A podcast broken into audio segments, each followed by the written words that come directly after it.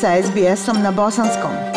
Pronađite još sjajnih priča na sbs.com.au kosacrta bosnijan. Stotine ljudi koji su se protivili novoj francuskoj COVID zdravstvenoj propusnici organizovali su demonstracije u Parizu kada je nova zdravstvena mjera stupila na snagu. Ljudima koji žele posjetiti kulturne i rekreacione sadržaje širom zemlje bit će odbijen ulaz ako ne mogu dokazati jednu od tri stvari. Da su u potpunosti vakcinisani, da su negativno testirani ili da su se nedavno oporavili od virusa. Dok Francuska donosi na snagu novi zdravstveni program COVID-19, stotine ljudi okupilo se u Parizu u znak protesta.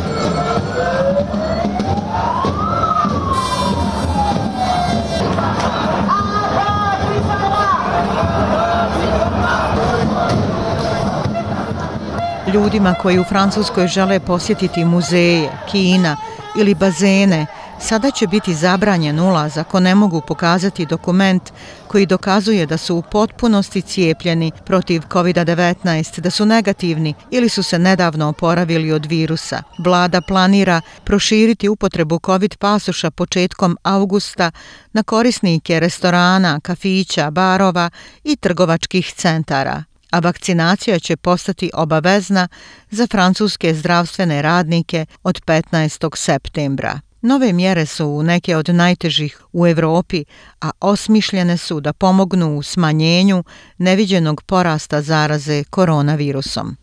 46% francuske populacije sada je u potpunosti cijepljeno protiv COVID-19, ali premijer Jean Casteau poziva sve više ljudi da se prijave za vakcinaciju kako bi se izbjegle daljnje blokade i sve veći pritisak na bolnice. Le monde euh, est confronté. The world is facing a fourth wave and we must act. And at the same time, we know the key to this problem. It's not new. Svijet se suočava sa četvrtim talasom i mi moramo djelovati. U isto vrijeme, ključ ovog problema, znamo, nije nov. Zaraznost ove delta varijante prisiljava nas da učinimo više.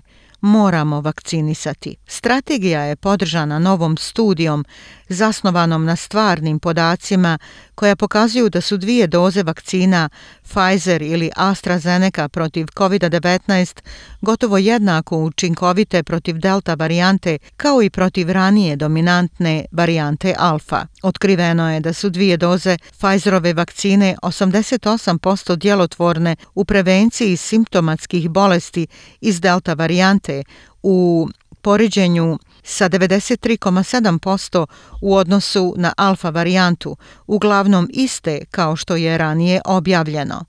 Iako su dvije injekcije vakcine AstraZeneca efikasne 67% protiv varijante Delta u odnosu na prvobitno prijavljenih 60%, a protiv varijante Alfa 74,5%. To će biti dobrodošla vijest onima koji su već vakcinisani ili čekaju vakcinu uz upozorenje Svjetske zdravstvene organizacije kako će Delta za nekoliko mjeseci postati dominantna varijanta koronavirusa širom svijeta. Kao dio odgovora Sjedinjenih država na prijetnju koju predstavlja visoko zarazna varijanta, New York će zahtijevati da radnici u gradskim bolnicama i klinikama budu vakcinisani protiv COVID-19 ili da prolaze sedmične testove. Gradonačelnik New Yorka Bill de Blasio kaže da će nova politika stupiti na snagu 2. augusta, što znači da će svaki gradski zaposlenik koji odbije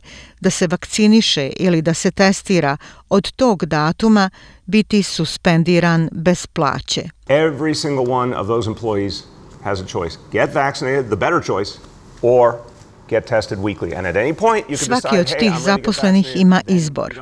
Vakcinisati se, bolji izbor, ili testirati se sedmično. I u bilo kojem trenutku možete odlučiti, hej, spreman sam za vakcinaciju. Tada više ne morate biti testirani. Ovdje se radi o zaštiti ljudi i zaustavljanju delta varijante.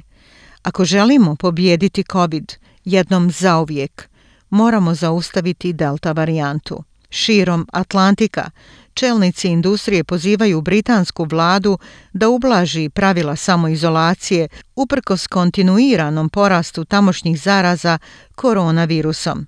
Nešto više od 44.000 novih slučajeva i daljna 73 smrtna slučaja zabilježena su u Velikoj Britaniji, dok je broj pacijenata s COVID-19 primljenih u bolnicu u Engleskoj dostigao najviši nivo u gotovo pet mjeseci. Ukupan broj novih slučajeva tokom protekle sedmice porastao je za 35,8% u odnosu na ukupan broj za prethodnih sedam dana, a broj smrtnih slučajeva povećao se za 59,8%. Samo prošle sedmice Vladina aplikacija za pametne telefone obavijestila je pola miliona ljudi da su bliski kontakti slučajeva i naredila im je da ostanu kod kuće 10 dana.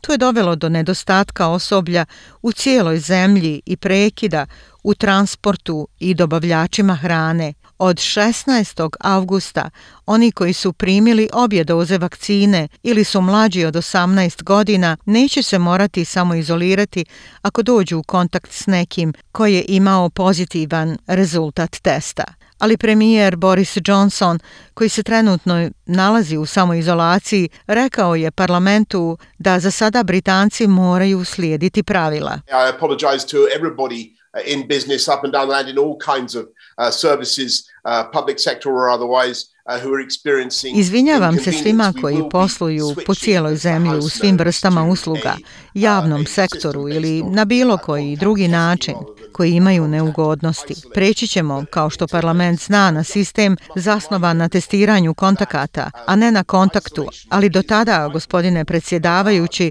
moramo samo podsjetiti sve da je izolacija vitalno sredstvo naše odbrane od bolesti. Slučajevi rastu i širom kontinenta, a infekcije su se u Rimu povećale pet puta u proteklih devet dana. Skok za koji se vjeruje da je pokrenut slavljem nakon pobjede Italije na Evropskom nogometnom prvenstvu. U međuvremenu zdravstvene vlasti upozoravaju da će broj zaraženih Njemaca na stotinu hiljada ljudi tokom sedam dana doseći više od 400 hiljada u septembru ako slučajevi nastave rasti trenutnim tempom. U Rusiji je samo 23% stanovništva primilo barem jednu injekciju vakcine protiv koronavirusa, a daljih 15% je potpuno vakcinisano. Službenici u više od 30 ruskih regiona sada smatraju uvođenje vakcine protiv COVID-19 obaveznom za određene grupe ljudi, poput onih zaposlenih u zdravstvu, obrazovanju, javnom prijevozu ili sektoru usluga. Ali predsjednik Vladimir Putin kaže da su se nakon porasta broja infekcija u posljednjih nekoliko sedmica svi Rusi trebali uvjeriti da je vakcinisanje neophodno. Наша главная задача сейчас. Our main task now is to ramp up the vaccination pace in the country. Наш главный задачей je sada pojačati tempo vakcinacije u zemlji. Ključno je uvjeriti ljude da se vakcinišu. To je jedini način na koji možemo blokirati pandemiju. Indonezija ponovo izvještava o rekordnom povećanju broja smrtnih slučajeva povezanih s koronavirusom, s daljnjih više od 1300 smrtnih slučajeva. Broj infekcija opao je posljednjih dana, a u posljednja 24 sata zabilježeno je manje od 34.000 slučajeva. Ali manje testova se provodi širom Indonezije, što navodi vladu da kaže da će povećati provjeru koronavirusa u gusto naseljenim urbanim područjima prije nego što počne ublažavati ograničenja kretanja. I još pet olimpijskih sportista ima pozitivan test na COVID-19, što znači da se više neće moći takmičiti. Samo dan nakon ceremonije otvaranja sada postoji najmanje 83 slučaja povezanih sa igrama. Za zdravstvene mjere i mjere podrške koje su trenutno na snazi kao odgovor na pandemiju COVID-19 na vašem jeziku, posjetite stranicu sbs.com.au kosacrta koronavirus. Ja sam Aisha Hadži Ahmetović. Ostanite uz SBS radio. Like, share, comment. Pratite SBS Bosnian na Facebooku.